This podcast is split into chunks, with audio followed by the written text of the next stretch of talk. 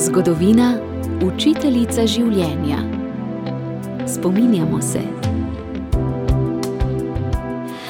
14. februarja 869 je v Rimu umrl slovanski apostol sveti Ciril s prvim imenom Konstantin. Z bratom Metodom velja za apostola slovanov in očeta slovanskega knjižnega jezika.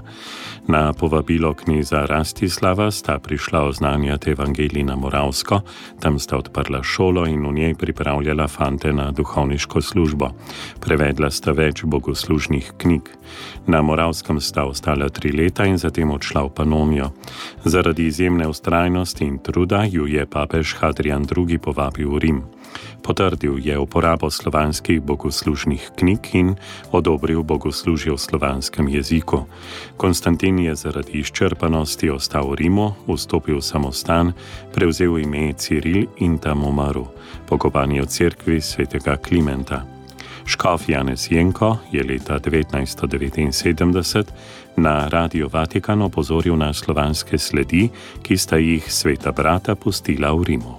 Rim se ponaša s prelepo Marijino crkvijo Santa Maria Maggiore, ki je povezana s spominom na naša slovanska apostola, blagovestnika Cirila in Metoda, ker so bili njuni prvi učenci posvečeni v duhovnike ter se je najprej služila liturgija na staroslovenskem jeziku. V cerkvu svetega Klementa počiva sveti Ciril, ki je sorazmerno mlad, star šele 42 let, umrl leta 869. Tako pokojni škof Jenko o svetih bratih Cirilu in Metodu. Leta 1721 se je v celju rodil nabožni pisatelj in duhovnik Fran Ksaver Gorjub. Sestavil in izdal je spise bratovščine Marije Dobrega sveta in pridigarski priročnik Cirkovno letu ali evangelski nauki za vse nedele in v praznike celega leta. 14. februarja leta 1867 se je pri Svetineži pri Velikovcu rodil pisatelj, časnikar in duhovnik Valentin Podgorc. Bil je tajnik Mohorjeve družbe, za njo je napisal in prevedel več knjig. Ustanovil je tudi verski mesečnik Nedelja, ki izhaja še danes. Na današnji dan leta 1892 je v Trstu umrl pesnik in prevajalec France Cignar. Njegovo glavno delo so prevodi Šilerjevih pesmi, balad in dram.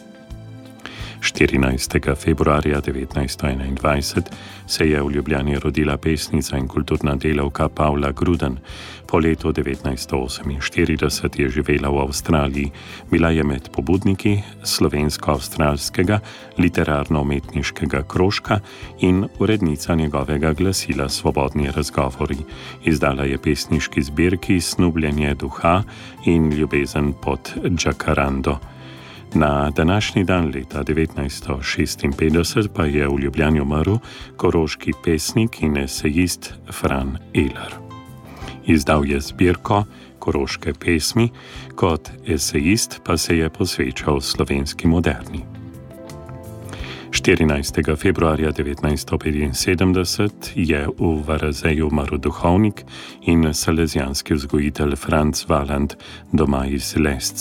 Leta 1922 je prišel na Rakovnik v Ljubljani in dokončal gradnjo cerkve Marije Pomočnice. Po letu 1936 je bil profesor dogmatike v Italiji.